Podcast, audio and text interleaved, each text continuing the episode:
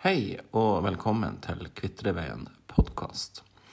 I dagens episode skal dere få bli bedre kjent med kona mi, hun Katrine Boel Gregussen. I tillegg til å være min utkårede, så er hun også en veldig kjent politiker for SV. Hun sitter på fylkestinget i Troms og Finnmark, og hun er også første vara til Stortinget fra Troms. Og Katrine har markert seg gjennom mange år som en sterk stemme i det politiske miljøet i Troms, og kanskje i særdeleshet i gamle Lenvik. I denne samtalen som vi skal ha i dag, så går vi mer inn i spesifikke tema som metoo. Vi har jo nettopp hatt ei helg bak oss der Trøndelag Arbeiderparti har hatt et, for å si det mildt, godt dekt fylkesårsmøte der omstendighetene rundt han Trond Giske har stått i sentrum. Vi går også inn på hvordan det er å være kommunepolitiker, og hvordan det er å være to stykker som er gift og politisk aktive på samme tid, og hvordan det har påvirka oss i det daglige liv. Jeg håper dere koser dere med denne podkasten. Det gjorde i alle fall vi.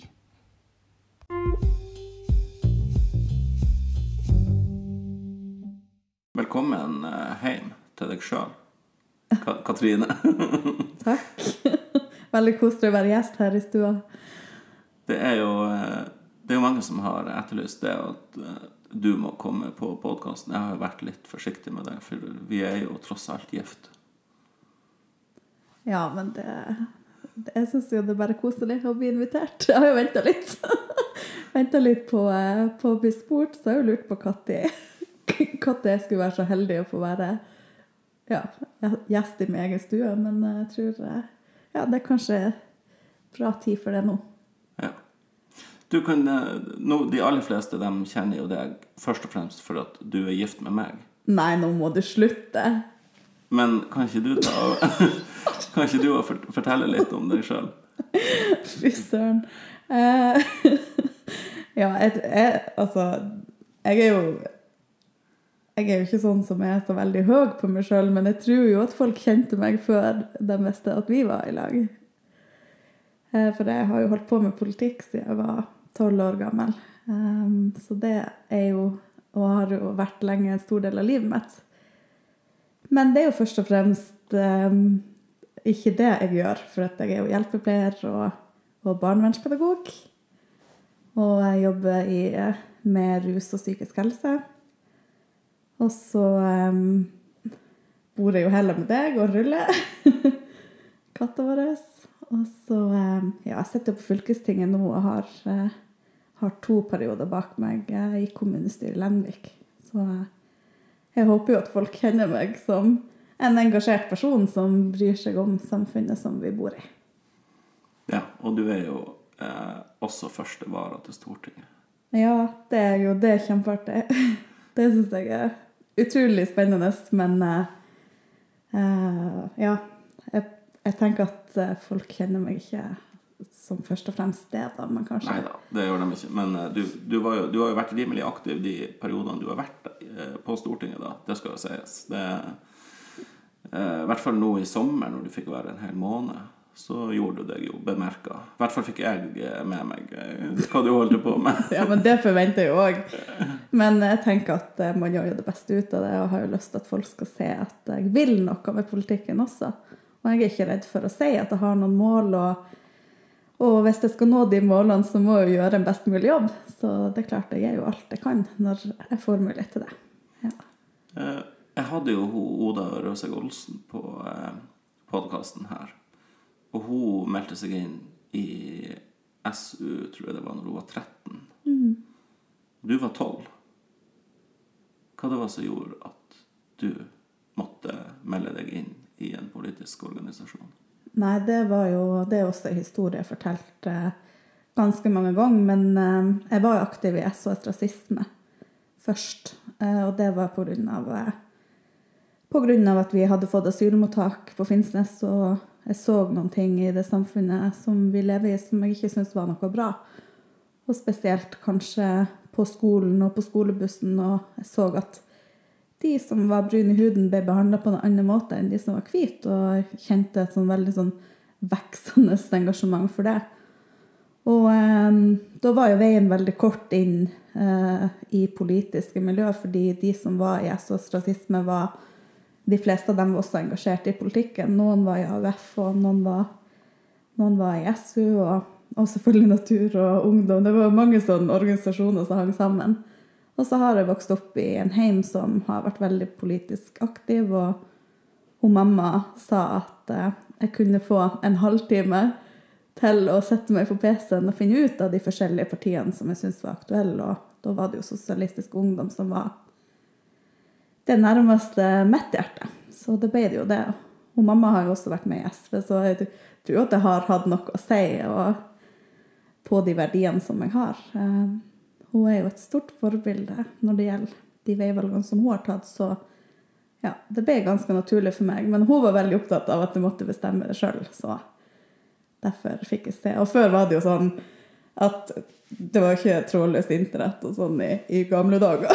så så da var det jo sånn at eh, ja, jeg fikk en halvtime. Da måtte ringe inn til sånn her ja, Jeg har aldri vært god med teknologi, men jeg husker at jeg satt der fra klokka 17.30 til 18.00 og bestemte meg for å melde meg inn. Så da gjorde jeg det.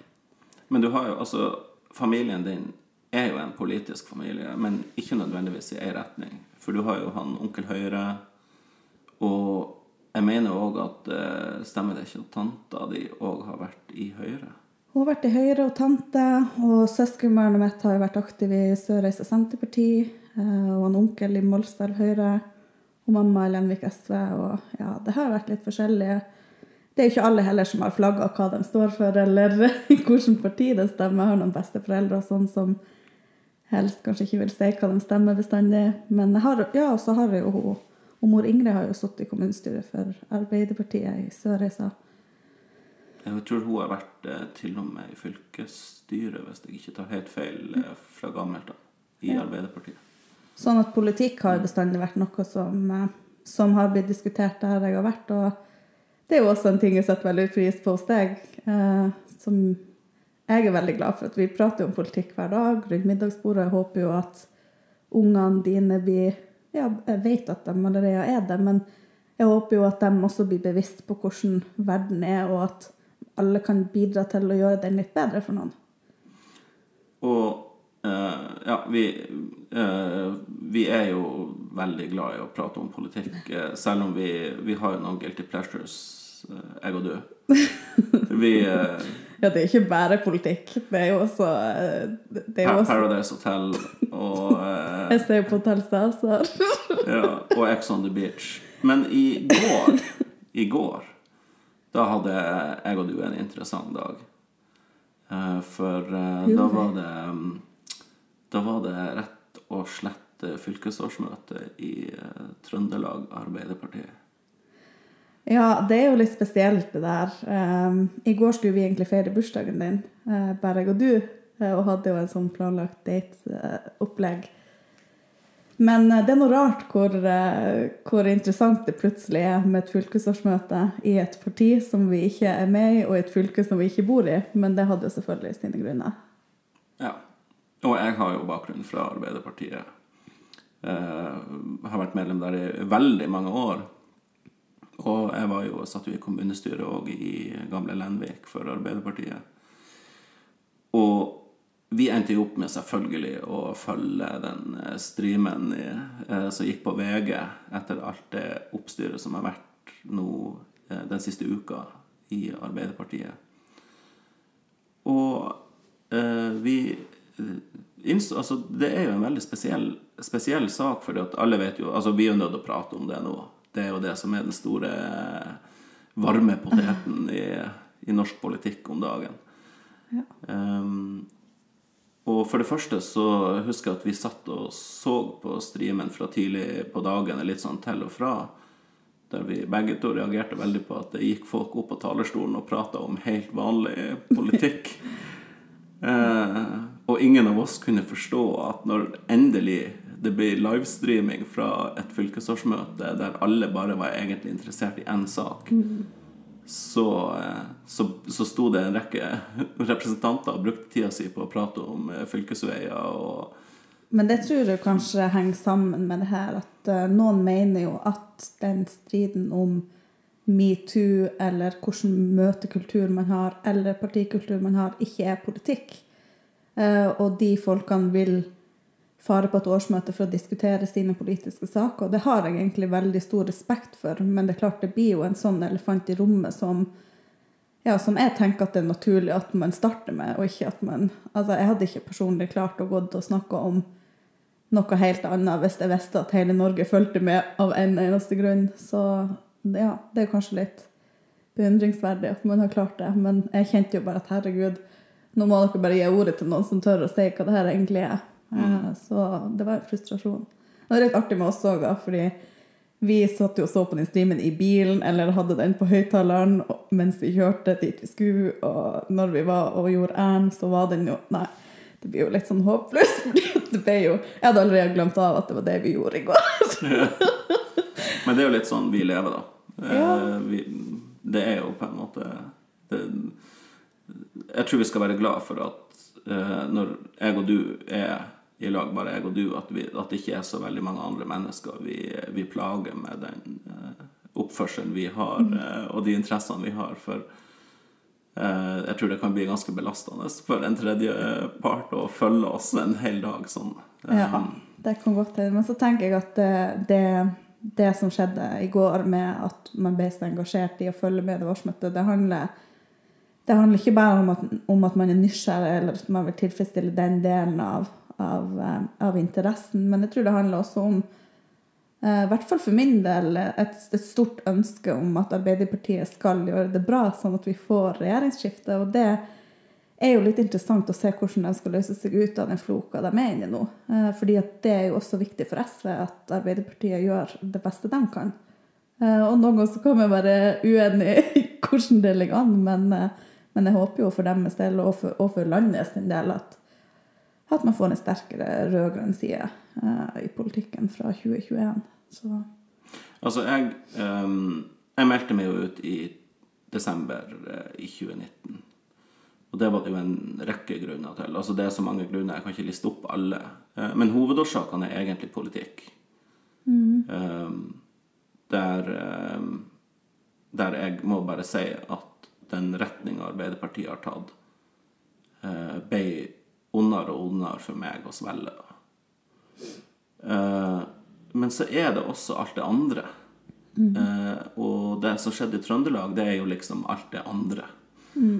Em, så for min del, så I går, når vi fulgte det møtet, så satt jeg Altså den tanken som antageligvis slo meg oftest når vi hørte på det, det var, det var litt det du sier i forhold til hvordan skal det her gå? Det er bare ett år til valget. Mm.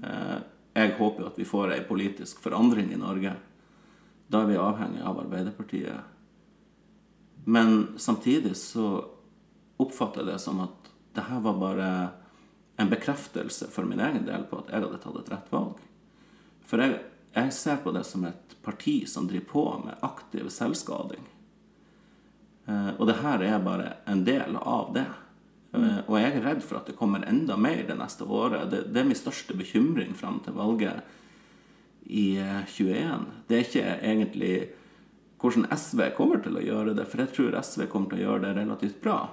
Eh, det, SV har, er et parti som står på, på tærne, og som eh, har en masse gode, fremadstormende, nye, spennende eh, toppolitikere. Eh, Jeg har veldig sansen for selvfølgelig han Torgeir herifra, mm. men, men også Kari Kaski syns jeg er helt fantastisk.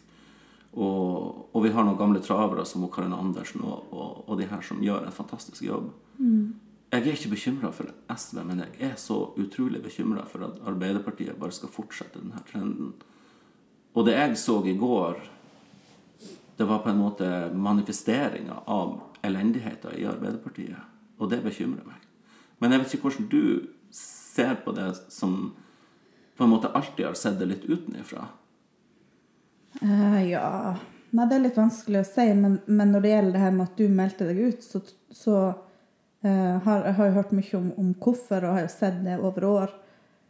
Uh, at jeg har jo følt hele tida at Arbeiderpartiet har gått mer mot høyre i politikken sin. Eh, og jeg syns jo noen ganger de gjør en del dårlige valg med at de velger å støtte Høyre i masse sånn tøv som, som, får, eh, som får betydning i dette samfunnet istedenfor å, å holde seg til opposisjon for for å få litt ordentlig gjennomslag. Og det, jeg syns på mange måter at Arbeiderpartiet har vært et haleheng til Høyre den siste tida. Og, um, og så har jeg jo sett noe i deg, da. Uh, for vi har jo vært i lag nå i, ja, i snart ni år, og, og jeg har jo sett at dine meninger også har flytta seg kanskje mer mot venstre. Sånn at sånn som jeg har analysert det, så har jo det gapet mellom det Arbeiderpartiet er blitt, og det den du er blitt, eh, det gapet har blitt større. Sånn at for meg så Jeg skjønte jo litt at det var den veien det bar, da.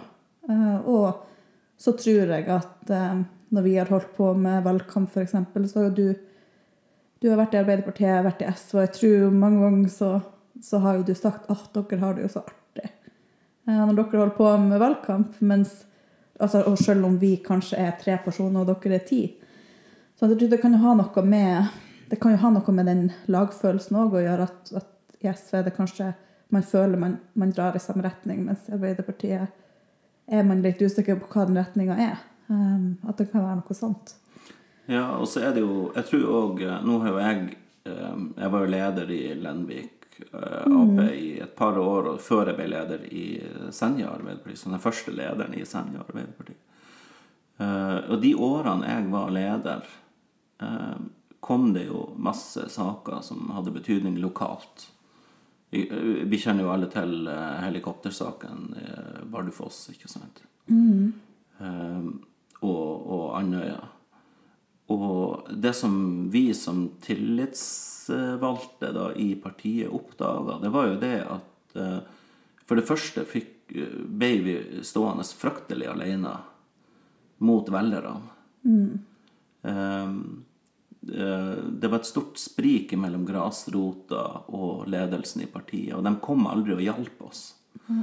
Jeg vet at det var veldig mange i partiet mitt som som syntes det var utrolig ubehagelig å, å, delta i valgkamp, fordi vi ble hele tida konfrontert i det. Vi sto i førstelinja eh, og var nødt til å forsvare noe vi faktisk ikke var enig i. Men, men, eh, men, det er klart at jeg forstår velgere. De hadde en frustrasjon imot Arbeiderpartiet, måten de agerte på. Eh, og, og, da var det vi som var liksom førstetroppen som fikk det. Og for min egen del så skjedde jo det da egentlig det siste stortingsvalget. Som, eh, som jeg eh, Da var jeg jo leder ennå, og, eh, og, da endte jeg opp veldig ofte med å være alene. De andre i, medlemmene i Arbeiderpartiet lokalt stilte ikke opp. Fordi at man ønska ikke å møte folk, for det hadde vært så ubehagelig. Jeg hadde som leder i Senja Arbeiderparti, eller i Lenvik Arbeiderparti under, under det siste stortingsvalget, det var Jeg hadde to til tre medlemmer i hele Lenvik som stilte opp uh, jevnlig og hjalp meg. Uh, Men sånn, sånn, er jo det i mange partier. Og, og det der med å, å, stille seg i skuddlinja og måtte forsvare noe uh, som mange er uenige med partiet ditt i. Sånn er det jo, men jeg tror kanskje Altså, for det har ikke bestandig vært så artig å stå på stand for SV heller. og det er jo kanskje de siste valgene ja, etter etter tror Torgeir har gjort en veldig bra jobb, har det kjentes ut som at eh, det, altså, det, kommer stadig flere folk og sier 'herregud, han Torgeir han uh, gjør så bra jobb', og, og nå det er første gang jeg vurderer å stemme på SV. og litt sånn. Uh, sånn at jeg tror det du beskriver, er ikke, det er ikke unikt. eller det er ikke, Jeg tror det er mange partier som føler det sånn, og, jeg følte det også sånn før, når SV var i regjering og vi drev valgkamp for ja, for våre politiske saker, men visste at vi måtte inngå hestehandler. Det er politikk. Men jeg tror kanskje det som har skjedd med Arbeiderpartiet, er at, at, at det er litt vanskelig å vite helt. Fordi at det er ikke et tydelig standpunkt. Det er kanskje lettere å akseptere. Ja, sånn som du har sagt etter du meldte deg inn i SV, at vi er imot Nato, men du er egentlig ikke imot Nato. Men det er en kamel du svelger fordi at du vet at du har hvert fall et parti som står for noe. Mm. Mens i Arbeiderpartiet så ble det veldig ofte utydelig hva man mente, og så endte man opp med Ja, dårlige jeg- resultat. Jeg visste ikke hva jeg skulle svare folk. Nei. Fordi jeg som, som Arbeiderpartipolitiker visste ikke hva Arbeiderpartiet mente. Nei.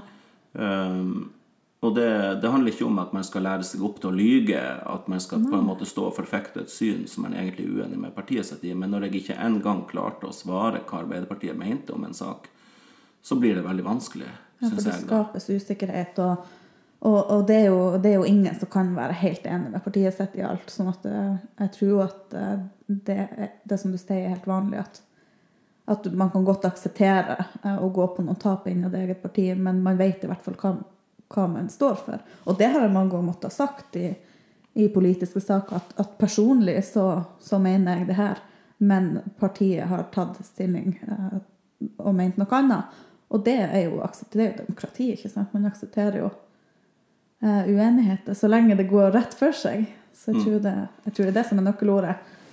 Og så er det litt sånn hvis, altså Uansett hvis et parti har et tydelig standpunkt, altså SV har et tydelig standpunkt i forhold til Nato eh, Og jeg, eh, det som gjør at jeg lett kan akseptere det, selv om jeg er grunnleggende uenig i det standpunktet, så kan jeg akseptere det for at jeg forstår bakgrunnen til det. Jeg skjønner at SV mener at Nato har blitt noe som man egentlig ikke så for seg at det skulle bli. Det er for styrt av USA. Mm. Det er blitt brukt mer eh, som angreps, en angrepsallianse enn en forsvarsallianse. Ja. Og for min del da, så, så skjønner jeg argumentet, men det betyr ikke at um, jeg mener at det er verdt å kaste bort Nato for det. For jeg tror at eh, Min vinkel på det er at da burde man heller kjempe for å endre Nato til å bli det man skulle ønske det kunne bli. Mm. Men jeg kan forstå SVs standpunkt ut ifra hvordan Nato har blitt. Eh, når jeg satt i Arbeiderpartiet, så hadde vi jo eh, det forferdelige landsmøtet, vil jeg si, eh, som jeg sjøl var på. Eh, der man eh, vedtok kompromiss etter kompromiss etter kompromiss i en masse saker. F.eks. oljeboring. Så... F.eks. oljeboring. Og jeg var jo på det landsmøtet sjøl. Jeg stemte imot eh, lo- altså oljeutvinning i LoEC. Eh, og eh, der ble det jo framsatt da et kompromissforslag nok en gang av, eh, av Jonas Gahr Støre. Det var så pinlig, det der kompromissforslaget, fordi at man tror at man kan tekkes begge sider, men man klarer jo ikke det. Nei, da må det- man heller være for eller imot. Ja, og det, det er sånne saker. Jeg, hadde, jeg som er motstander av å utvinne olje i LoVC, hadde mer akseptert et knallhardt tap enn det kompromisset. Eh, For det som skjedde, og det husker jeg veldig godt, det var mye eh, demonstrasjoner utenfor landsmøtebygninga og alt, og, og med forskjellige parter, både de som var for og de som var imot. Og når saken var avgjort, så var absolutt alle sammen misfornøyde. Ja. Og det er det jeg mener kanskje er nøkkelen til at Arbeiderpartiet sliter som nå. Det er det at medlemmer veldig ofte Eller de aller fleste medlemmene får ikke sett Får ikke kjenne på en seier. Fordi at det skal inngås kompromiss i alle saker, og det gjør at alle taper. Og jeg tror av og til så er det bare lurt å bare velge en vei og stå for den. Det er min mening. Og- Ja, man får i hvert fall øh, litt mer respekt av det. Eh, og det er jo det som er i politikken, at du skal jo alltid respektere hva de andre mener. Eh, og da er det jo vanskelig å respektere hvis man ikke, hvis man ikke sjøl forstår kanskje hva, hva meninga er. Eh, Og at man ikke kan stole på eh, at man står for det man har sagt at man skal stå for. Ja, Så det er jo kanskje Jeg skal ikke legge all grunn til politikerforakt på Arbeiderpartiet, eh, men det kan jo være Alt det her styret kan jo være med på å skape enda mer politikerforakt. Og det er jo politikerskapt. Så det må jo alle politikere tenke på. For det, jeg mener at det største problemet vi har i, i samfunnet i dag, eller sånn i, i det, det største demokratiske problemet, er jo at det er så mange som ikke stemmer. Eh, og jeg lurer på hvorfor folk ikke stemmer. Fordi det er jo ikke noe å gidde, for det er ikke noe stress. Men jeg tror det er vanskelig for folk å følge med politikk. Fordi at det er så mye styr, rett og slett. Ja, og det er mye hopping fram og tilbake, og det er mye Hestehandler. dobbeltkommunikasjon. Ja. Du kan jo bare ta eh, eh, Nå blir jeg jo veldig tøff med Arbeiderpartiet, da, men, men eh, når vi tar eh, Nord-Norgebanen, eh, så er det jo en, en, en gjentagende eh, sak at Arbeiderpartiet sier at de er for. Og hver gang det er snakk om en eller annen avstemning, avstemming, så stemmer de mot. Senest nå i sommer. Og det er kjemperart. Eh, fordi at jeg mener at hvis du er for noe, så viser du det med å rekke opp hånda og stemme for. Eh, og det, altså det der som de styrer med, er utrolig spesielt med Nord-Norge-banen. fordi for meg så virker det som de ikke vil ha den banen. De vil ikke ha den banen. Nei, jeg vet og hvorfor? Jeg har jo vært, eh, jeg har jo vært tillitsvalgt i partiet, og jeg vet jo at Arbeiderpartiet ikke vil ha Nord-Norge-banen. Og det skyldes jo at man ønsker å prioritere. Og det her er jo noe eh, vi som har vært aktive i Arbeiderpartiet, vet. Har vi, vi har blitt fortalt det. At man ønsker å prioritere dobbeltspor i eksisterende eh, bane. Ja, det er jo helt Pluss latterlig. pluss at man ønsker å prioritere Østlandet i forhold til, til, eh, til eh, jernbane og infrastruktur, pluss fergefri E39 på Vestlandet. Det er de svarene vi har fått. Eh, og der er nok en sånn sak jeg mener F.eks. Erna Solberg. Hun er ærlig på det.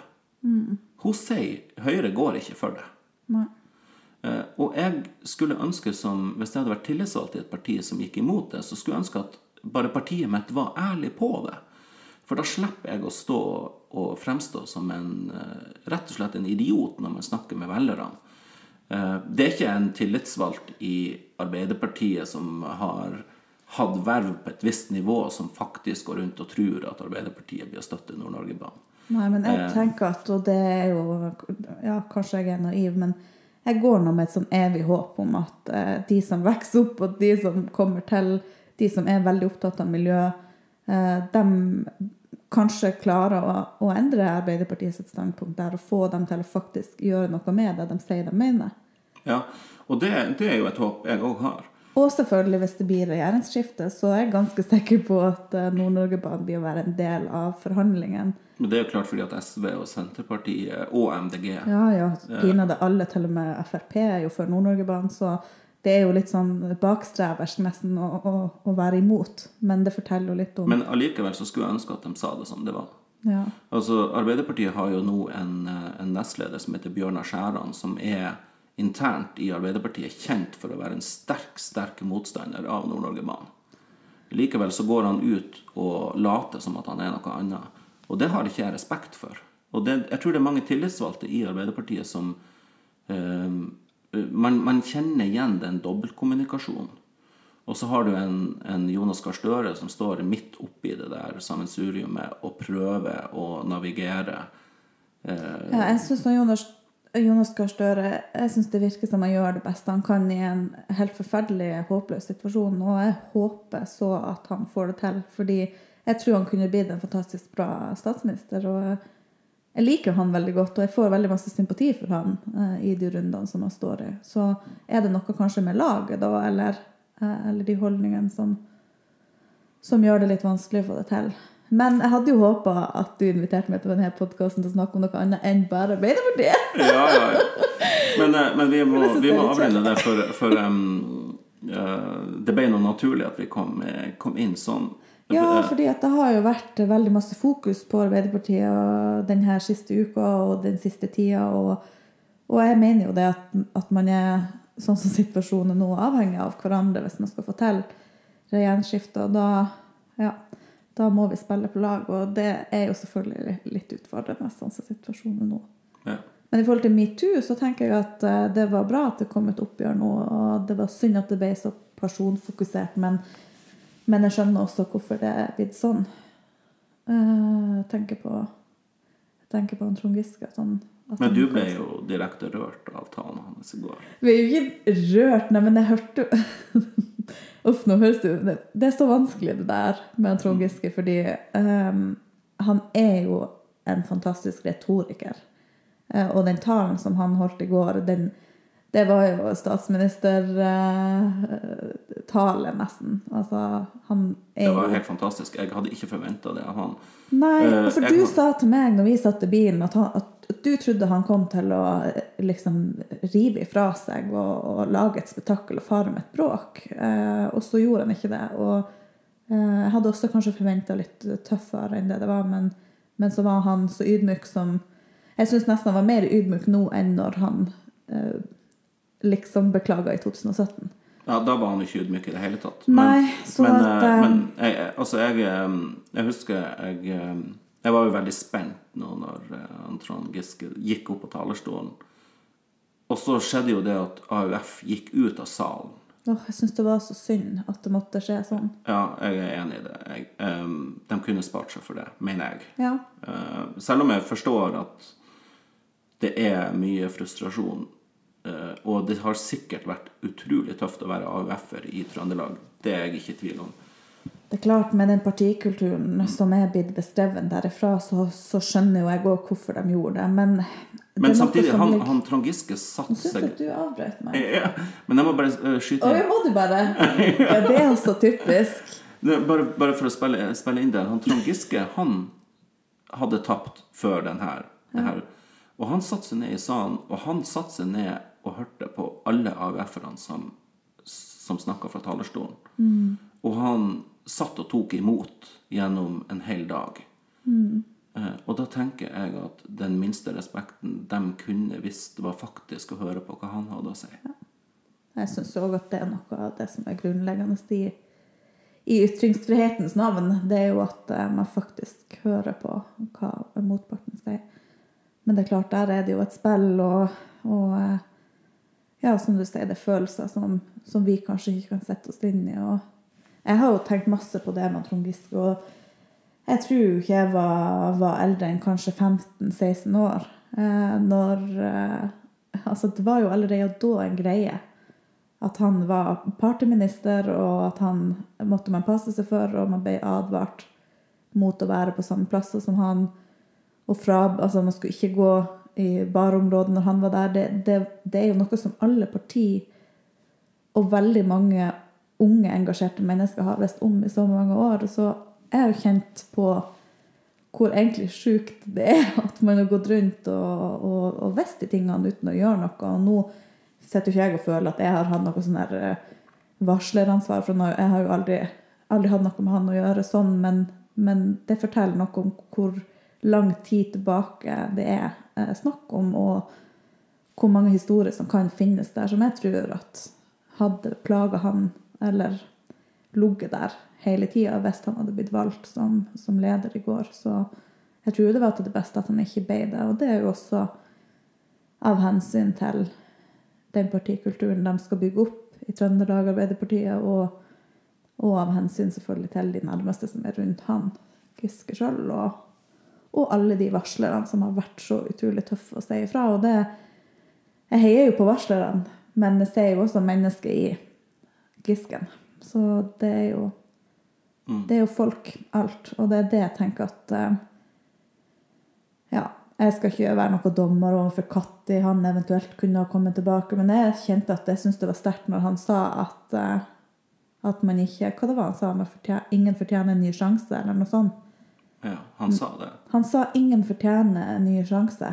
Eh, men det, der er jeg jo uenig, fordi jeg tror jo at mennesker kan forandre seg, og jeg tror jo Jeg tror jo på det beste i alle folk, og, og jeg tenker at eh, alle fortjener en ny sjanse, men kanskje den sjansen ikke burde komme så fort.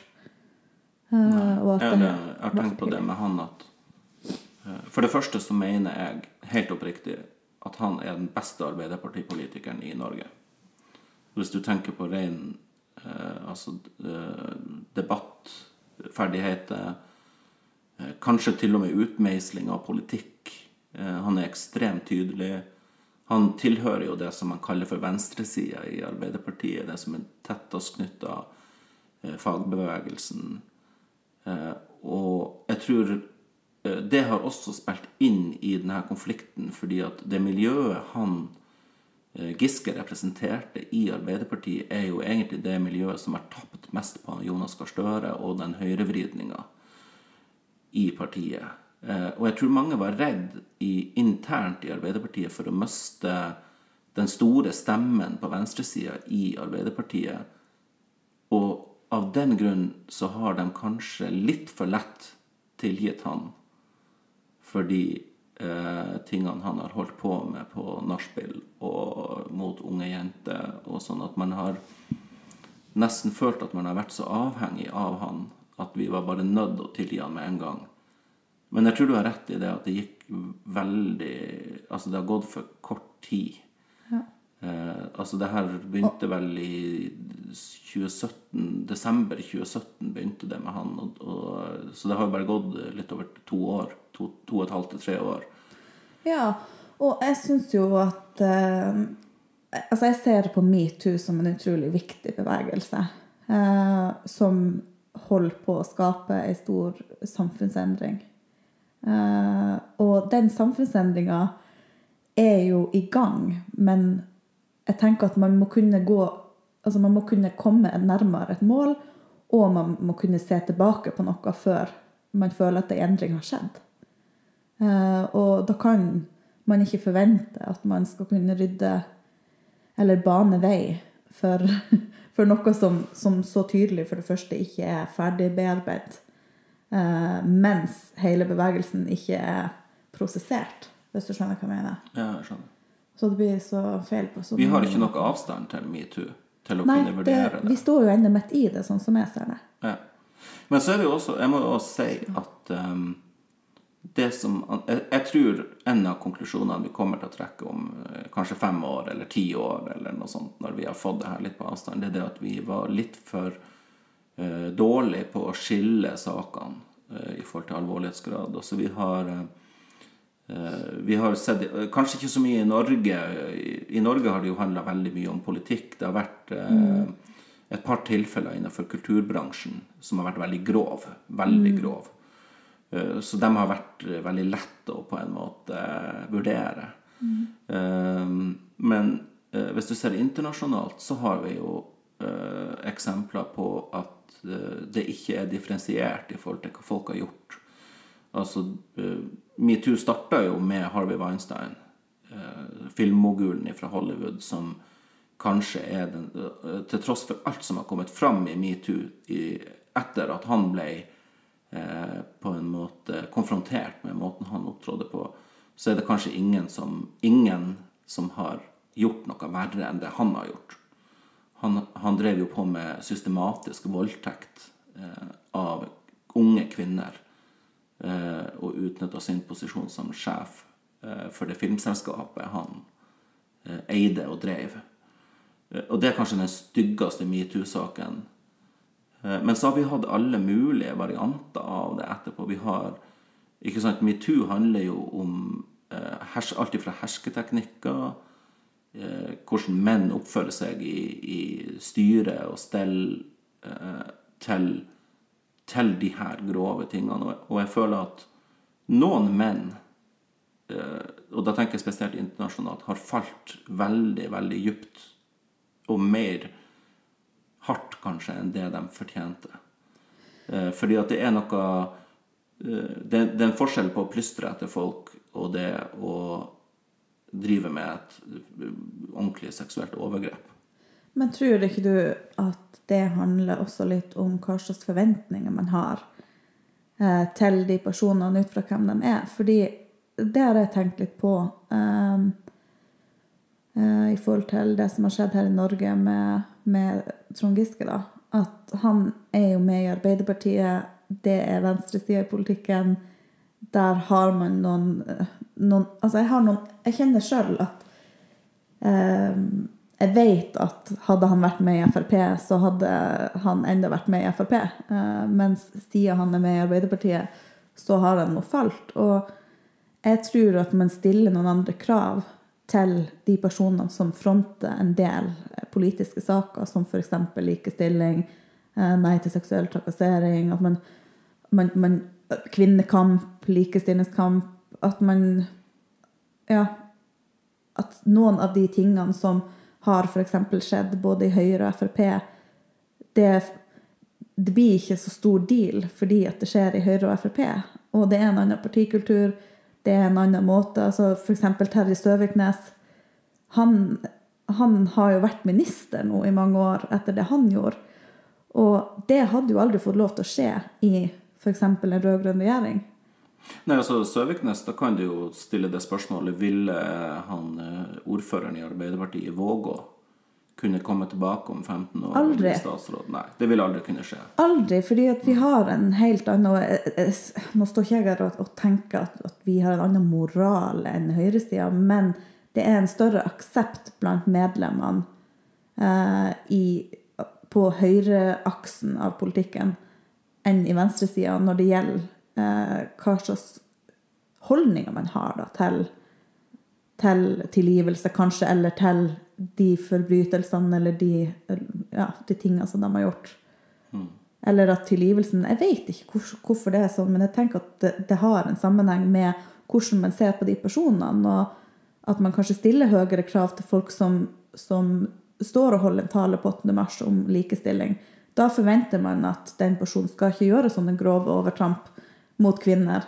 Mens de folkene som ikke bryr seg så om den delen av politikken, de Men kanskje grensene er kanskje litt forskjellige. Altså, det er jo ikke noe tvil at uh, uh, Høyre aksepter, aksepterte jo overhodet ikke han Tonje Grise og hans opptreden.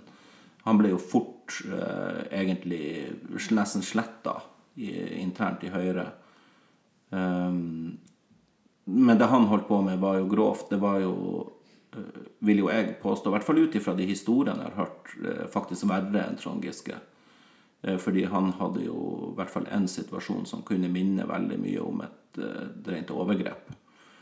Trond Giske han har jo hatt en mer generell atferd mot kvinner som har vært Der han har, der han helt åpenbart har utnytta sin posisjon og kanskje satt unge kvinner under et press som man ikke burde kunne forvente av en så høy tillitsvalgt eh, person. Men det er det jeg føler som er så viktig når det gjelder metoo. At um, det er det her med uh, maktbalansen. At man, at man utnytter sin, sin posisjon. Altså, vi hadde jo en sånn greie i Sosialistisk Ungdom eh, når jeg var med, og du vet jo hvordan det er med, med, med ungdom. og det er noe, det er noe mye Det er noe mye man kan si om tida som ungdomspolitiker, men det var veldig mye artig. Og, og selvfølgelig var det veldig mange som ble kjærester, og som fant sin eh, ja, sine nye partnere innad i partiet eller eh, i organisasjonslivet. Og vi hadde jo en sånn veldig tydelig regel. Jeg husker de sa det til oss når vi var på sånn styreskolering og sånn, at det er ikke lov til å pule nedover. Eh, og det er jo veldig sånn tydelig. Altså, jeg syns allerede da at ok, for meg så betydde det at eh, når jeg er f.eks. leder i et lokallag, så kan jeg ikke ha en eh, ja, en seksuell relasjon til noen som er under meg i rang. Eh, og det er jo en måte å bevisstgjøre. Og nå var ikke det noe sånn at, at man la opp til at man skulle ha forhold til folk, men, men det er noe fort gjort, ikke sant?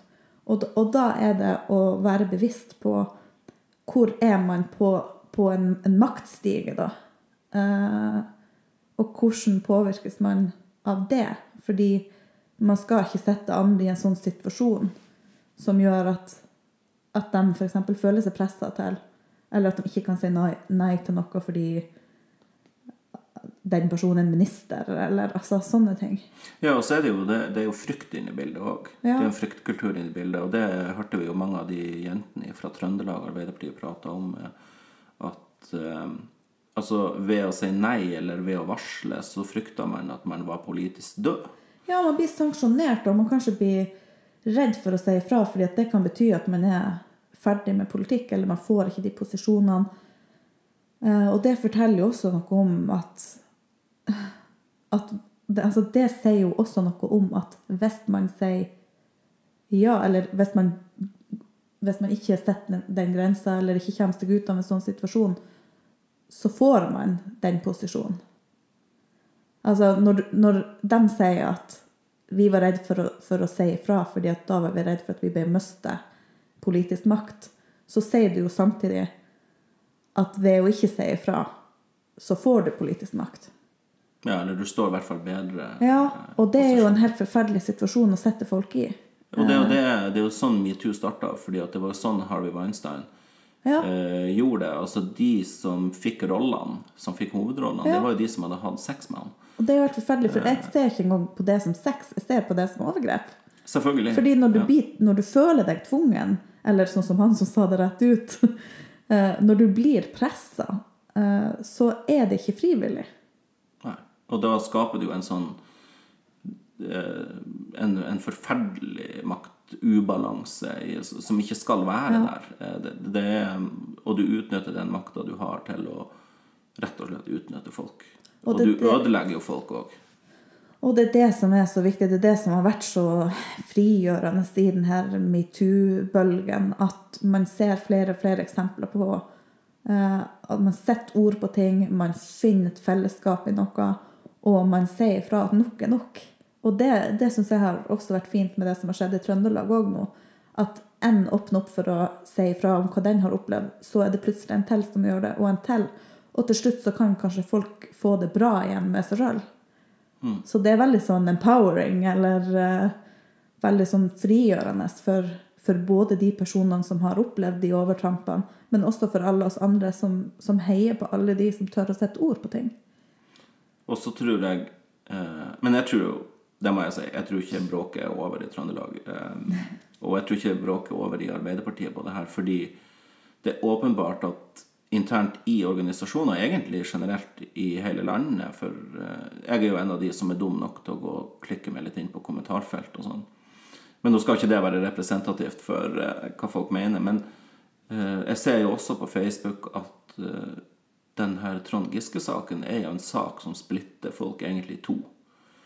Eh, og jeg tror kanskje grunnen til det er at folk eh, eh, Veldig mange, i hvert fall ikke tenker på f.eks. de overgrep Eller de, ikke overgrepene, men de overtrampene som han har gjort som alvorlig nok. Altså det med å legge handa si på låret til en ung AUF-er på 18 år når du er på nachspiel. Eh, Han hadde jo en situasjon der han eh, skulle gå eh, Eller inviterte ei jente opp på rommet sitt for å hente vin. Mer vin. Og mens hun var på do, så hadde han kledd seg helt naken. Og når hun kom ut, så sa hun bare nei, det var ikke det. Det var ikke derfor vi skulle hente vin. Og da kledde han på seg og gikk ned igjen, riktignok. Men alt det så tror jeg folk bagatelliserer litt eh, fremferden hans. At han har jo aldri, sånn som jeg kan ha hørt det, direkte på en måte og forgrepet seg på folk. Og jeg tror at det er det som jeg håper vi lærer av metoo, at det må ikke være en fullbyrda voldtekt for at det er et overgrep, en overtramp. Altså Hvis du er en 40 år gammel mann, og du setter ei 18 år gammel jente i en sånn situasjon alene på et hotellrom, så har du trådd langt over grensa for hvordan du skal oppføre deg. Og jeg tror ikke vi er i mål før flere ser at det, er, det også er galt. Ja, og jeg syns jeg leste jo den der saken på NRK eh, i forrige uke om eh, hun jenta som hadde begynt på eh, å studere i Bergen, eh, som traff en gutt som også begynte å studere der. Eh, der de eh, var på byen i lag, og han spurte om han kunne følge henne hjem. Hun sa han ikke trengte det, men så gjorde han det likevel. Og så hadde hun sagt at det blir ikke å skje noe i kveld, og likevel så ble han med inn. Og så eh, hadde han spurt om han fikk sove der, og så hadde hun sagt ja til det, men det, du, vi blir ikke ha sex. Og så, når de lå der i senga, så hadde han prøvd seg, og så hadde hun sagt nei. Og så hadde han prøvd mer, og til slutt så hadde han jo penetrert henne. Og dagen etter så følte hun bare at hun var blitt voldtatt, prøvde å sette grenser. At hun hadde det helt forferdelig. Og det, og det hadde hun jo. Hun hadde jo blitt voldtatt, for hun hadde jo sagt nei. Mens han følte at ingenting galt var skjedd. Uh, og i den saken så, så kom jo det fram at de hadde møtt hverandre, og, for hun hadde anmeldt han, og det ble jo henlagt, og, og hele den greia der. Men, men han sa oppriktig, og jeg tror på han, uh, at han ikke forsto at han hadde gjort noe galt, fordi at veldig mange tror at en del av sjekkespillet er å utfordre de grensene som jenter setter. At når de sier nei, så er det fortsatt greit å prøve seg. Og det, det er jo de tingene vi er nødt til å få bort. Det er, jo, det er jo helt utrolig at det går an at to personer kan ha en så ulik eh, eh, forståelse av hva som skjedde i natt. Han syntes det var kjempefint, hun syntes det var helt forferdelig. Og han sa oppriktig at jeg forsto ikke at jeg hadde forgrepet meg på, jeg forstår det nå. Så hva er det som er så hva er det, altså Hvor er det vi har gått så galt når, når faktisk noen kan voldta noen uten at de skjønner det sjøl? Da altså Det er jo det vi må få gjøre noe med. Det er jo det vi nødt til å endre på. At nei betyr nei. Og at når folk sover, så skal man ikke putte ting inni dem. og, og det der med makt At det er, er, det sånn at noen klarer å si nei når maktbalansen er så skeiv? Nei, det er jo de tingene som vi er nødt til å jobbe så hardt for at folk skal forstå. For jeg vil jo at ungene våre skal vokse opp i et samfunn der vi kan være trygge på at når de sier nei, så betyr det nei. Og at de oppfører seg ordentlig mot andre òg. Ja, det er minst Men like viktig. Det er jo kjempeviktig å lære, og det er jo det vi gjør i SV med de formøtene. Ja, og det kan vi jo snakke litt om. For uh, jeg hadde jo uh, delt en liten status på Facebook her i går etter det der uh, famøse møtet i Trøndelag Arbeiderparti. Og av alle mulige ting jeg skrev, så var det jo faktisk det som ble litt sånn debattert på mm, kommentarer. Formøter, ja.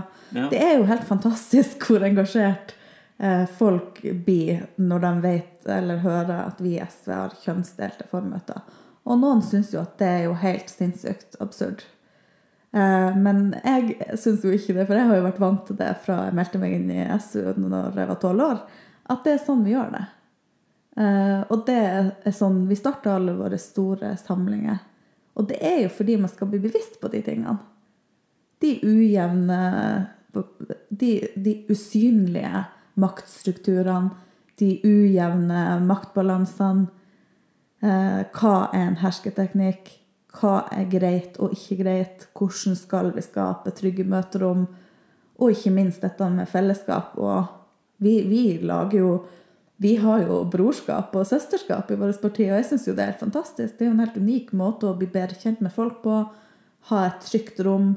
Vite hva man skal snakke med hvis man opplever ting som er ugreit. Nei, jeg syns det der er Det er veldig sånn uh, styrkende.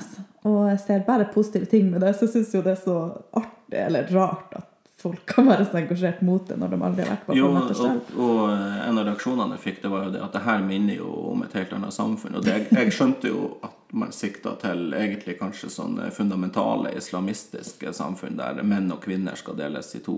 Eller kvinner skal være hjemme, mens eh, mannfolkene eh, har egen gutteklubb. Ja. Eh, men en sånn kommentar kan jo jeg i dag forstå at det er misforstått, for jeg har jo sjøl opplevd det her. nå. jeg, var, jeg fikk jo æra av å være med på fylkesårsmøtet i SV Eh, jeg vet ikke om jeg var Jeg var kanskje en måned gammel eller to måneder gammel SV-er eh, når jeg eh, var der. Og det var en av de tingene jeg var litt spent på. For jeg hadde jo hørt om det. Mm. og jeg lurte egentlig på hvordan det var å være på noe sånt. Og så Hvordan syns du det var, da? Nei, det jeg, jeg, bestemte meg jo for å, å ofte når jeg blir usikker på meg sjøl, så, så, finner jeg meg jo en litt anonym plass eh, i rommet. Og så tenkte jeg at nå skal jeg eh, sitte og observere. Eh, og så, eh, så satt jeg jo i lag med, satte meg i lag med en person som jeg var veldig trygg på, som, eh, som, heldig, som, som kommer fra Tran, gamle Tranøy kommune. og eh, han er en veldig fin mann. Um, så jeg satte meg nå ned der og begynte å høre på. Og plutselig så innså jeg at eh, det handla ikke så mye egentlig om mann og kvinne. Altså Kjønn var kanskje bare en effektiv måte å dele opp eh, forsamlinga på. Mm. Eh, det handla om noe helt annet. Handlet, jeg fikk en sånn følelse av at um, vi, vi, vi, skulle snakke om hvordan vi kunne hjelpe hverandre. Mm. Det var um, det var jo eh, den eminente stortingsrepresentanten Torgeir Knag Fylkesnes som leda det møtet, og det var så fint. Eh, det var menn som prata om at de syntes det var vanskelig å gå på talerstolen, at de eh, syntes det var at De ble nervøse og litt sånn. Og så ble vi enige om at ja, når du går på talerstolen, så skal vi gi deg skikkelig god respons. Og Er, er det sånn det er å være på gutteformøte? For det trodde jo ikke jeg. Nei, har men, og at vi skulle være um, eksempel eh, så ble vi enige om at hvis noen sa noe som vi var uenige i, så skulle vi ikke riste på hodet. Vi skulle ikke flire av folk. Vi skulle ikke mm, liksom latterliggjøre folk. Sånt. Vi skulle få lov til å tenke hva vi ville, men vi skulle ikke uttrykke det. Eh, og det gjorde jo at eh, Ja, det var mange sånne ting, og, og mange menn som jeg tror kanskje torde å si ting de, eh, i forhold til akkurat det med gjennomføring av, møter, som de kanskje ikke hadde tort å sagt hvis det var eh, mange kvinner til stede, for å være helt ærlig.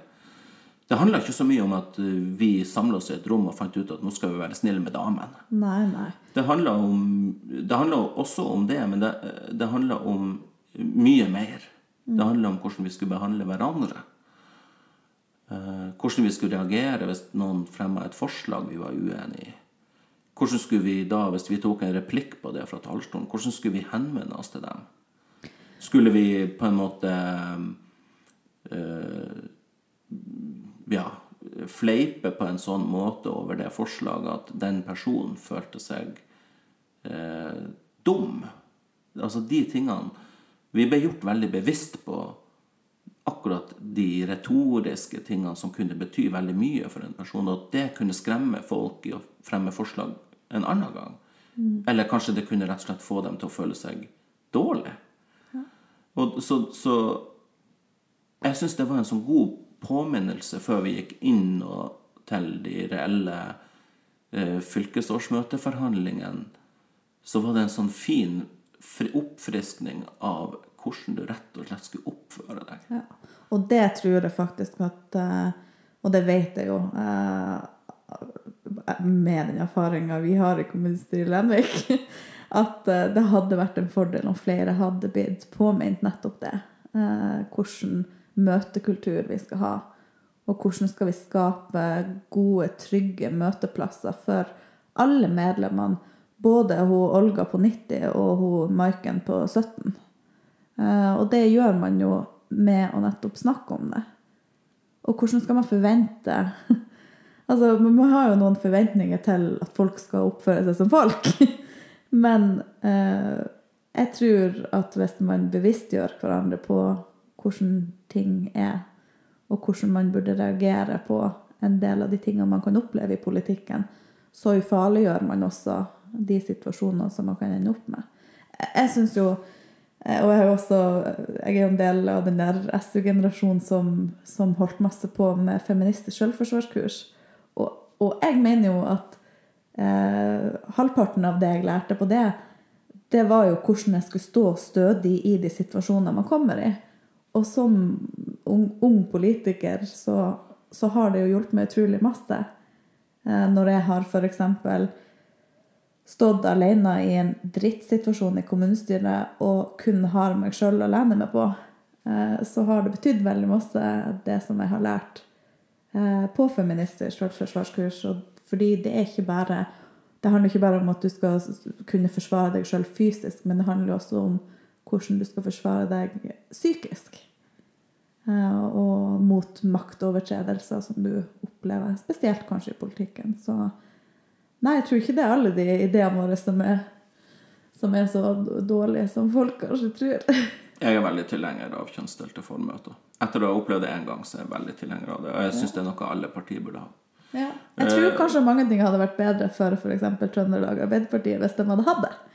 Ja, og, og så kunne det vært egentlig opp til, eh, til hvert eh, parti eller hver organisasjon å finne ut hvordan man ville fordelt seg. Altså Det trenger jo ikke å være kjønn.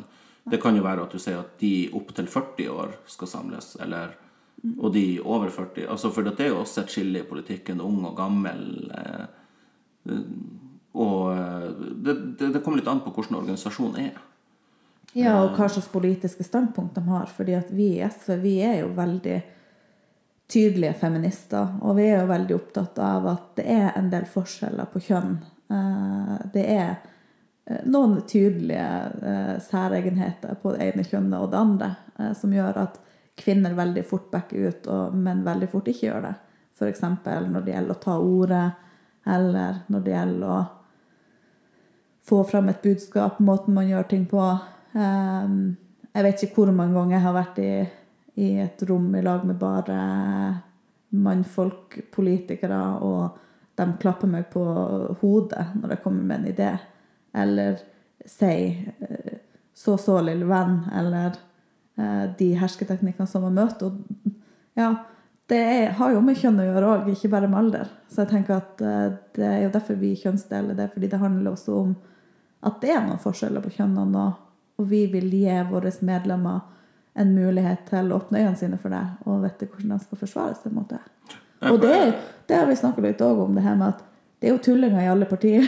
det, er jo, det er jo raringer i alle sosiale lag, sånn at man, man slipper jo ikke unna eh, dårlig oppførsel uansett hvilket parti man er i. Så jeg tror man kan forebygge en del med å ha de formøtene og den praksisen som vi har. Ja, og jeg er enig i at kjønn er en bra måte å eh, dele opp en eh, forsamling i SV på. Men hvis det hadde vært f.eks. de ansatte i Finnfjord smelteverk, så ville jeg kanskje anbefalt at man heller tok alder. Eh, så det var, det var bare det som var poenget mitt. For da ville det kanskje vært litt dumt når det var to kvinner eh, på, på det ene formøtet, og så var det 120 mannfolk i det andre formøtet. Mm. Så det kom litt an på organisasjon. Det var bare det som var poenget. Ja, det er jeg enig i det. Det er en fin segway til kommunepolitikken. Eh, du nevner det her med hersketeknikker. Jeg vet en, eh, en av de drøyeste hersketeknikkene jeg har hørt. Eh, det kommer fra Lenvik kommunestyre, og den gikk imot deg. Det kommer jeg aldri til å glemme. Var, det var din første periode i kommunestyret, og du var hjelpepleier. Det var en sak som omhandla Jeg mener det var omsorgssenteret eller Eh, rett og slett hvordan Det var, i hvert fall rett på drifta i omsorgssenteret, og hvordan ja, de ansatte der hadde det. Ja. Mm. Uh, og du uh, Det var en debatt som var prega av veldig mange skal, hva skal jeg si, synsere som egentlig ikke hadde direkte kjennskap til hvordan livet var på uh, den plassen de omtalte. Og så gikk du opp og fortalte litt om det, for du hadde faktisk jobba der gjennom flere år. Mm. og etter at du hadde holdt den talen, så gikk det en godt voksen mann opp på talerstolen og sa at han nekta å la seg bli belært av en jentunge i kommunestyret. Uh, det husker jeg veldig, veldig godt. Um, ja, den satt, kan du tro. det er jo Ja. Nei, den situasjonen der var faktisk helt forferdelig. Og sjøl om jeg var all, altså, så rusta til å ta imot en sånn kommentar, så er det jo helt utrolig hva det gjorde med meg. For jeg kjente jo at jeg ble helt lamma. Jeg ble jo bare sånn Jeg visste jo at jeg var den eneste i det kommunestyret som jobba i helsesektoren. Eh, jeg visste Jeg mente aldri at jeg skulle være liksom cocky eller late som jeg visste mer enn de andre. Men jeg hadde jo svar på en del av de tingene som de åpenbart ikke visste noe om. Så derfor var det ekstra sårt eh, når han sa det han sa, og jeg var den yngste i kommunestyret. Jeg var vel den eneste under 20 år, eh, nei, under, under 30 år som satt der. Um, så um, ja, det var ganske hardt. Uh, og det var jo en høyrepolitiker som som fant ut at det var en fin idé å si.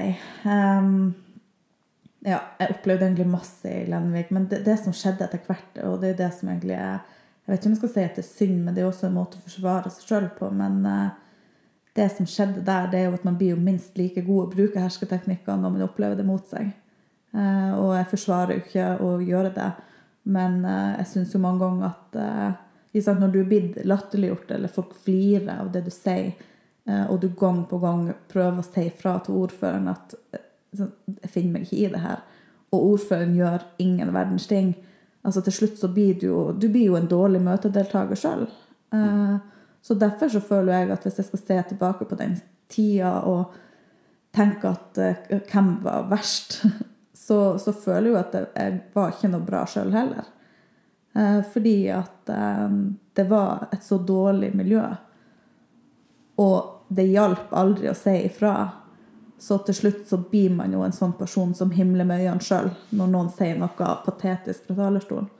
Men jeg håper jo at jeg har klart å Jeg håper jo at jeg ikke har såret noen. Jeg håper at jeg har klart å ikke ta den dårlige møtekulturen med meg ut av den kommunestyresalen. Og det, det tror jeg òg at jeg har klart, fordi at jeg oppfører meg jo Altså Man tilpasser seg det rommet man er i, og det følte jeg kanskje var problemet i Lenvik. At folk ble en dårligere utgave av seg sjøl, og det gjaldt mange.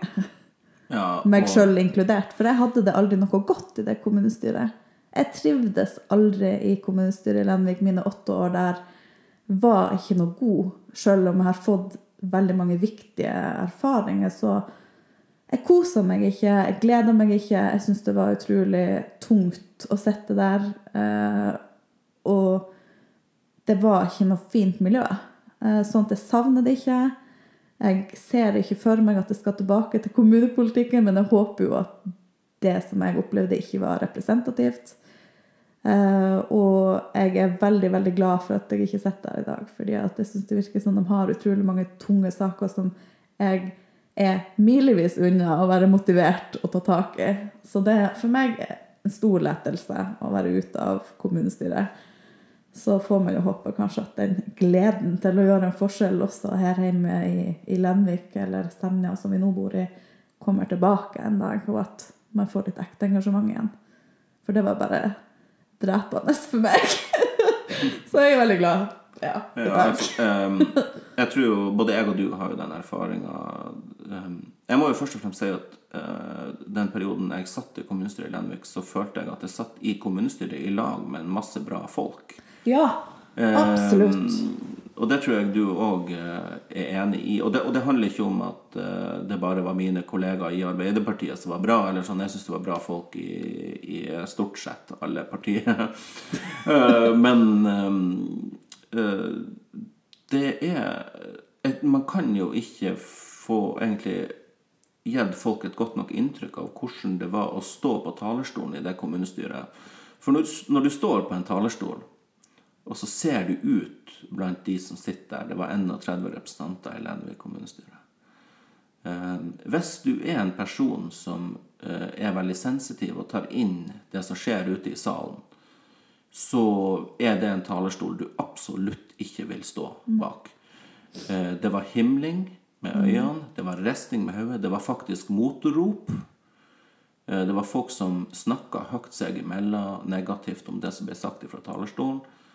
Folk røste seg og gikk eh, og eh, liksom demonstrativt og henta seg en kopp kaffe.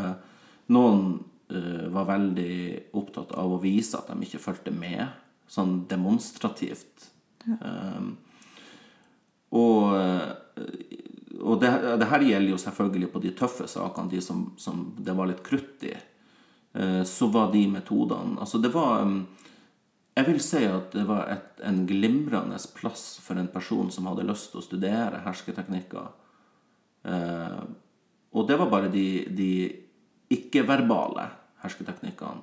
Så kommer det som eh, med en gang du hadde vært oppe på talerstolen og sagt noe, så kom den ene eller den andre representanten opp og dissekrerte det du sa, på en, eh, på en eh, ufin måte ofte. Eh, Folk misforsto deg med vilje. Eh, Det er også en hersketeknikk. Ja, og gjorde seg dum på talerstolen og lata som de ikke forsto hva du mente. og sånn. Det syns jeg var helt forferdelig, for da må du gå opp og nesten Og da får du jo en sånn der oppgitt holdning. Da blir du jo forbanna. Og, ikke sant? Det, Nei, det var veldig masse dårlige dynamikker.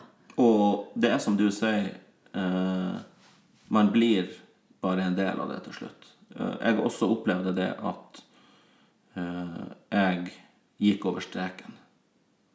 Eh, og jeg gjorde det fordi alle andre gjorde det. Men eh, nå når jeg har fått litt den der perioden Nå er det jo eh, Desember 2019 var jo mitt siste kommunestyremøte. Og satt og tenkt på liksom hva det var som skjedde. For det, var- det er så masse folk i det kommunestyret som jeg liker, som jeg er glad i. Som jeg Ja, og Som vi har sosial omgang med i dag. Og, Ja. som, og det har jo vært utrolig masse artige situasjoner med Kjempemasse. fliring og god stemning. Så det er ikke, alt er ikke bekmørkt. Men det er jo eh, det er rart å tenke tilbake på. Men det er som sagt, det var, det var i de sakene der det var eh, markert uenighet i salen, så ble det brukt eh, eh, mye hersketeknikker.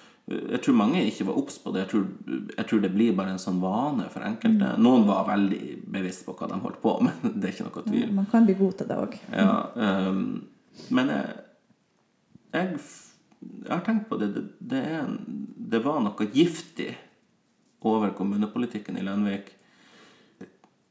Og jeg syns jeg ser at det har forplanta seg videre i Senja kommune. Ja. Eh, Vi har jo sett um, hvordan eh, det miljøet der er, og det minner oss jo veldig mye om det vi opplevde når vi satt der, bare at det nesten nå virker som at det er blitt verre.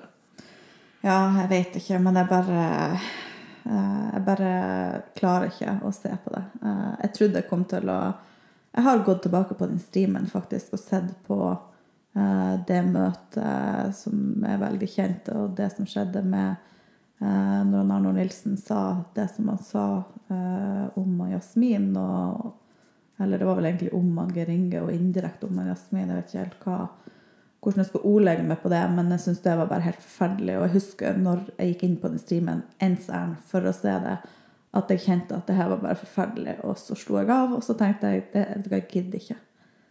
Men, Men jeg syns jo at det verste som, som skjedde i Lenvik, eller det var Det var noen ting eh, som jeg syns var spesielt fælt. Eh, og den første perioden uh, syns jeg Jeg syns jo at det verste som har skjedd, var å miste en av mine kollegaer eh, til selvmord. Um, og det har satt så dype spor inni meg, og jeg kjenner det er tøft å prate om. Men eh, det ble for meg også et veldig sånn um, Det ble et symbol på hvor destruktivt eh, det kan bli i politisk forum. Eh, så det, eh, det preger meg veldig ennå. Og um, jeg syns også at det viser hvordan miljøet mellom politikere eh, Både mellom politikere sjøl og mellom administrasjon kan gå så langt at man blir så Altså, man, man, man blir så påvirka av det at man, man får det ikke godt også i det private livet sitt. Uh, og jeg um, Det syns jeg det er det verste jeg har opplevd. Uh, og perioden etter så gikk jeg jo inn i kontrollutvalget. Og det var der jeg følte at kanskje selve og hele engasjementet mitt uh, for kommunepolitikk ble drept. Det var i kontrollutvalget. Ikke fordi jeg trivdes der. Det var jo veldig trivelige folk jeg satt med. Jeg kom godt overens med alle. Vi gjorde beinhard jobb, og vi fikk et veldig fint miljø. Og jeg hadde det veldig godt i kollegiet, kontrollutvalget. Men jeg følte òg at det ble så engasjerende og så utmattende og altoppslukende å prøve å få til en endring i den kommunen. Eh, at det gikk utover hvordan jeg hadde det hjemme også. Eh, sånn at eh, jeg ble veldig Det tok veldig masse energi. Det krevde veldig masse av meg, og sikkert av mange andre som satt der. Og når resultatet ble ingen resultat, så føltes det forgjeves. Og da kjente jeg at jeg mista veldig trua på lokaldemokratiet. Jeg mista veldig trua på kontrollfunksjonen. Jeg mente at man hadde svarene på en veldig viktig sak svart på hvitt, og enda fikk det ingen konsekvenser for de som hadde gjort galt. Den rettferdighetssansen min, den brant seg litt i det der, og da kjente jeg bare at Herregud, det her går jeg ikke inn igjen. Jeg skal aldri sitte i kontrollutvalget. Jeg skal aldri Altså, jeg kjente jeg ble sånn her? Men så måtte jeg bare roe meg ned og tenke at herregud, det er mange måter å nå politiske mål på. Du kan ikke sitte i kommunestyret til evig tid eller uh, fikse noe som tydeligvis ikke lar seg fikses. Men uh, ja. Men Det preger meg veldig. Det er, ja, jeg skjønner veldig. Altså, Du vet jo det, for du har du har bodd i lag med meg hele tida mens det her har foregått. Det ja, jeg har jo vært nødt til å, å håndtere det òg. Men uh, Ikke nok med den vanskelige kjerringa, men Og så mye følelser òg. eh, altså, jeg må jo bare si at det, um, det du kjente på Og det jeg er ikke i tvil om det at vi har en maktstruktur eh, i dette området som er ufattelig sterk. Eh, eh, og det går på den, den krysning mellom politiske, aktive personer, det er administrasjon og det er næringsdrivende i, i, dette området. Det tør jeg å si. Og jeg, uh, og jeg tror ikke det er noe hemmelighet. Jeg tror de aller fleste skjønner det.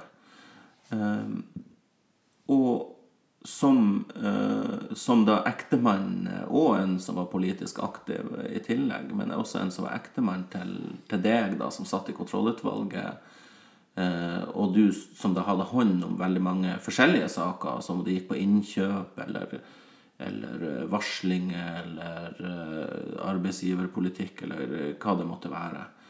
De avvikene som kontrollutvalget etterforska da, eller prøvde å finne ut av. Så oppdaga jeg at jeg ble tatt til inntekt eller, for, for de tingene du holdt på å rote i Eh, jeg opplevde at jeg fikk kasta etter meg at jeg hadde uttalt meg om den og den saken som jeg da hadde helt bevisst holdt helt stilt om fordi at jeg visste du satt i kontrollutvalget. Eh, og da, jeg, da, skjønte jeg at ok, hvis jeg kjenner det presset For det var folk som konfronterte meg med ting, og så måtte jeg forklare dem. Jeg har aldri sagt noe om den saken. Jeg har holdt stilt fordi jo Katrine sitter i kontrollutvalget så tør jeg ikke tenke på hvordan press dere ble satt i, som satt i kontrollutvalget. Uh, og det er Det er skremmende når du sier at du har mista trua på lokaldemokratiet når du har sittet i kontrollutvalget, for eh, det er jo nesten som eh, å si at vi ikke har et demokrati lokalt. Nei, det har vi jo, men men kanskje, kanskje Ola meg litt dumt, men eh, det jeg gjorde, eller det jeg kjente på da, det var at Og det, det er jo selvfølgelig når man har det som verst, man kjenner på det, fordi at jeg er jo en, en stor tilhenger av demokratiet. Jeg er veldig opptatt av at flere folk må stemme, være med å gjøre en forskjell. Og jeg mener faktisk at hver eneste stemme betyr noe. Men det som jeg opplevde der, det var jo at man så eh, ulovligheter på høylys dag, og enda klarer man ikke å stoppe det. Eh, og det gjorde at sant, når du har lagt inn så mange timer, du har svetta, du har blødd, du har møtt all slags folk, prata, og du har fått så masse ja, rett og slett dritt slengt mot deg, og press, eh, og du vet på en måte hva fasiten er, eh, fordi den står der svart på hvitt fra uavhengige folk, og enda klarer du ikke å endre på det, så kjenner man jo OK, var det faktisk til ingen nytte? Eh, det er en sånn, kanskje en håpløshet som prater da. Um, så nå når jeg har fått det på avstand, og vi er godt over Det er jo nå godt over Eller det er vel rett over ett år siden jeg gikk ut av kontrollutvalget eh, før den, den, nye kommunen kom. Fordi jeg fikk jobb i kommunen. så kjente jeg bare at eh, da var det jo helt håpløst. Men nå når jeg har Altså når tida har gått, så, så kjenner jeg jo ennå at uh, det føles ja, nesten Altså, jeg kan ikke si at jeg er bitter, men jeg syns jo at det er urettferdig.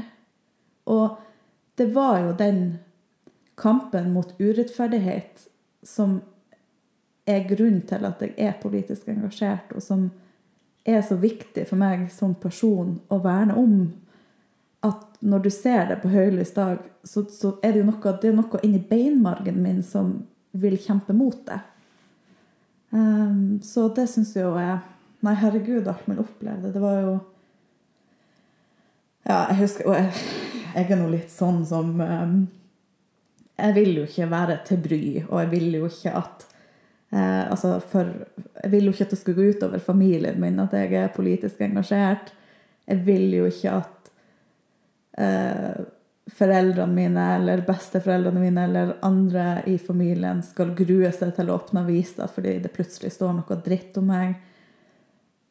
Men det verste er jo ikke at det står dritt om meg, for det, det føler jeg at folk tåler. Men det verste er jo når de tingene som står der, ikke er sant.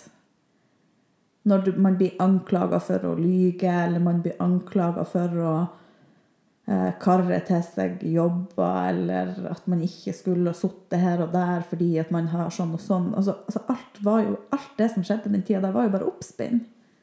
Og det syns jeg er sånn ubehagelig å tenke på i ettertid at man har fått så masse anklagelser mot seg fordi at man var der for å, å rydde opp. Og så har man for det første ikke klart å rydde opp. og for det andre så henger det fortsatt med meg en del sånne karakteristikker, da. Men grunnen til at du fikk all den motstanden, det var jo fordi at du mente noe som eh, Hva jeg skal si De som eh, sitter med mest makt i denne kommunen, ikke likte at du mente. Ja, og det er jo det som er så synd, for skal man Og jeg, jeg vil ikke innta noe offerrolle, for jeg satte meg sjøl i den situasjonen, og jeg angrer ingenting. Jeg hadde mest sannsynlig gjort det igjen, fordi jeg følte at det vi gjorde, var rett. Eh, men skal man sette unge folk i en sånn situasjon der man ender opp med å ja, nesten drepe folk sitt engasjement? Det er jo så trist. Fordi hvorfor har man et kontrollutvalg hvis kontrollutvalget, som jo jeg følte gjorde alt rett, eh, ikke klarer å, å, å endre på noen ting? Men Hvorfor har man en kontrollfunksjon i en kommune hvis ulovligheter, hab, altså inhabilitet, alskens dritt som ikke tåler dagens lys, får lov til å foregå likevel? Hva er vitsen? Det er ikke sant, Sånn kjentes det ja, det er jo for å oppfylle et lovkrav. Ja, og det er jo det er ikke sånn det skal være. Fordi Nei. jeg følte hele tida det her kontrollutvalget, det har fanken meg guts. Vi tør å si det sånn som det er. Vi tør å kjempe saken helt inn. Vi gjør jobben vår. Og allikevel så koker det bort i søl når det kommer til kommunestyret, eller når det kommer til lensmannskontoret, eller hvor i søren det kommer hen. Det blir ingenting. Nei, Var det verdt alle de timene med frustrasjon? Var det verdt alle de lange kveldene der du fersken lå og gråt over papirene, liksom? Men jeg blir jo aldri slutt å si ifra. Jeg blir aldri slutte å kjempe for det som jeg mener er rett. Men uh, en stund der så var det bare bekmørkt. Jeg bare tenkte at her fins ikke håp. Men Ja. det fins jo alltid håp. Ja, og det, jeg tror jo dessverre så eh, For å gi det litt sånn motstand på det, da, eh, så tror jeg at eh, den ene saken som kunne forandra det synet der, er jo helsekjøpssaken. Ja. Eh, og jeg tror egentlig eh, hvis, eh, hvis vi gjør sånn som vi skal gjøre med Trond Giske, at vi skal gå ti år fram i tid og se på det her tilbake, og vurdere det med litt avstand, så tror jeg eh, kanskje at vi kommer til å eh, tenke at egentlig så fungerte det meste. Kontrollutvalget gjorde sin jobb, eh, kommunestyret innstilte enstemmig. Og så i den saken, så grunnen til at vi ikke har fått et entydig svar i den saken, verken, det er jo ingen som, som verken er dømt eller frikjent, men det, det stoppa oss, det var jo eh, politiet. Men det er jo det som er så absurd. Jo, men de hadde ikke ressurser til Ja. å etterforske det. Og det er jo ikke noe du kan skylde på noen maktstrukturer for eh, i teorien. Eh, Vi vet jo at veldig mye når det kommer til den type saker, blir nedprioritert hos politiet, fordi det er veldig ressurskrevende.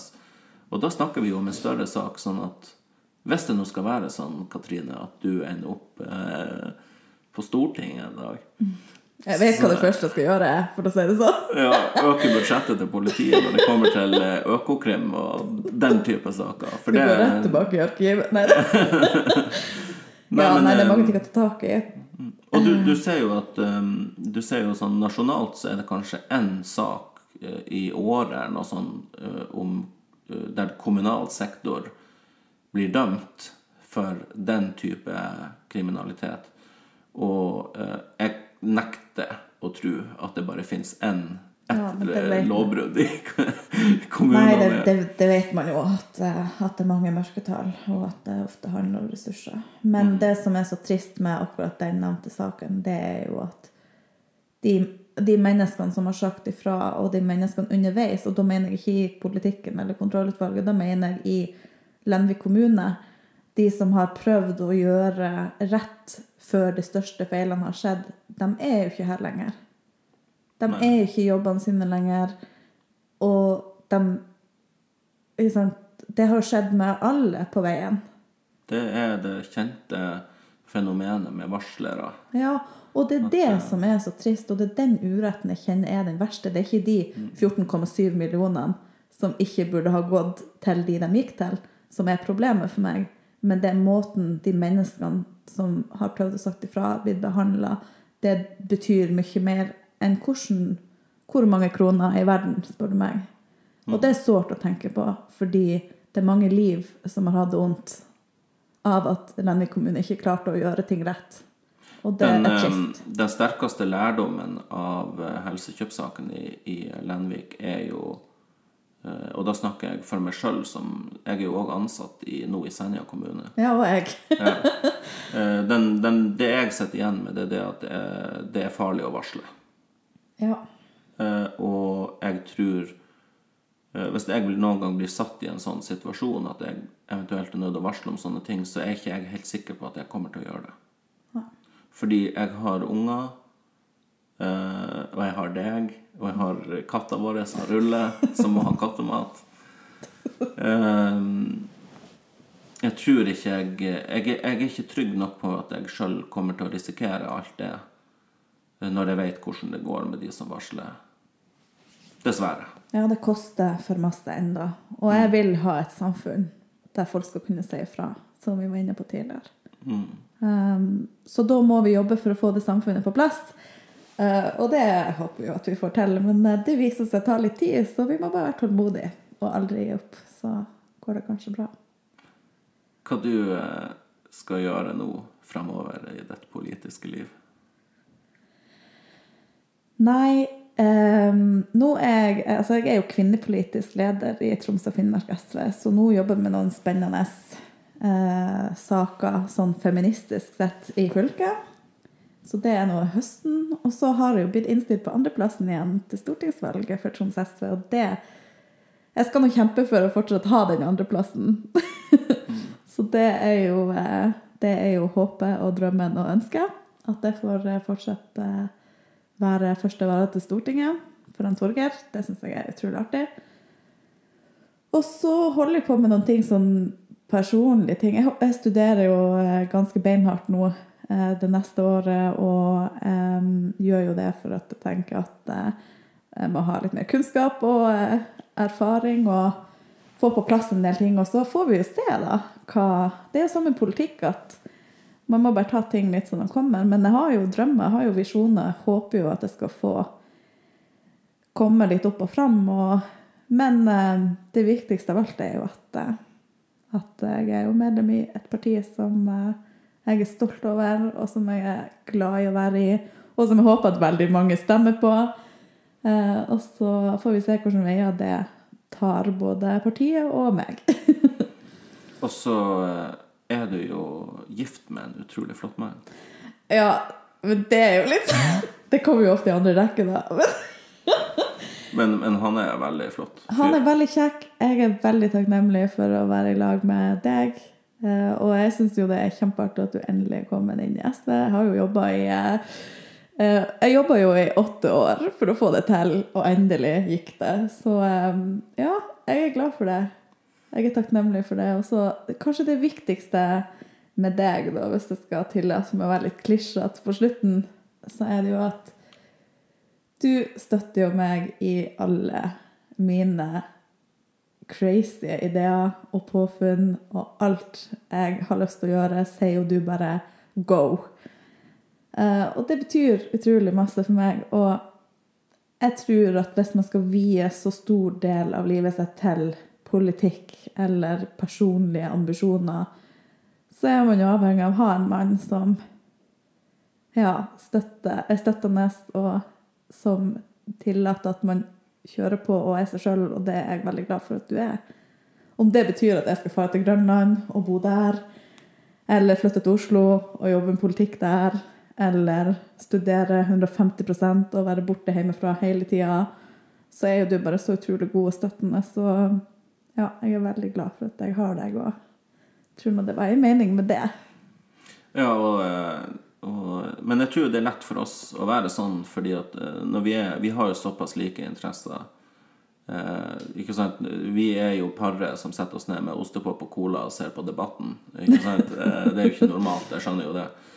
Eh, men jeg er også veldig glad for at du, eh, også sånn som meg, er veldig glad i å slå av jern og kose seg med Paradise Hotel. Eh, sånn som jeg og du gjør.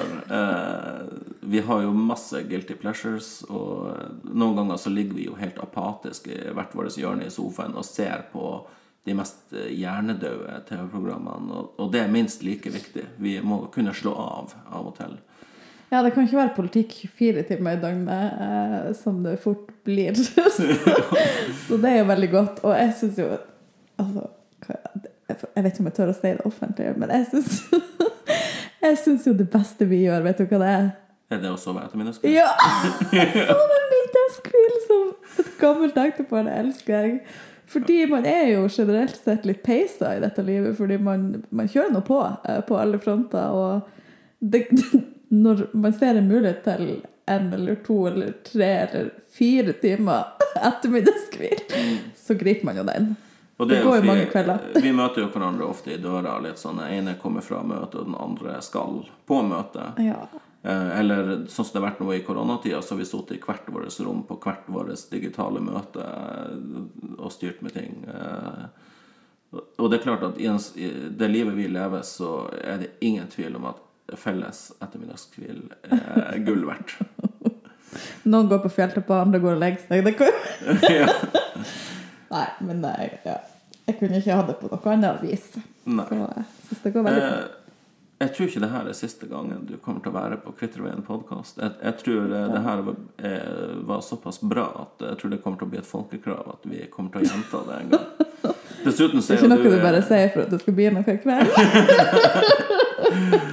Eh, jeg tror jo at eh, at eh, det, det Og i tillegg, du er jo veldig tilgjengelig gjest. Du er jo ganske i nærheten av meg. Eh, sånn at hvis jeg sliter litt med å, finne andre gjester, sånn, eller det, bare dukker opp et interessant politisk tema, så kan det jo fort være at jeg huker tak i deg. Ja, men kanskje neste gang skal vi kjøre en sånn at eh, jeg er verten, og du er gjesten. Ja, det tror jeg har vært kjempeartig. Det kan vi godt. Vi sier det sånn. Ja, men da har vi noe å telle. Takk for at du kom hjem. Ja, takk for at jeg fikk komme hjem.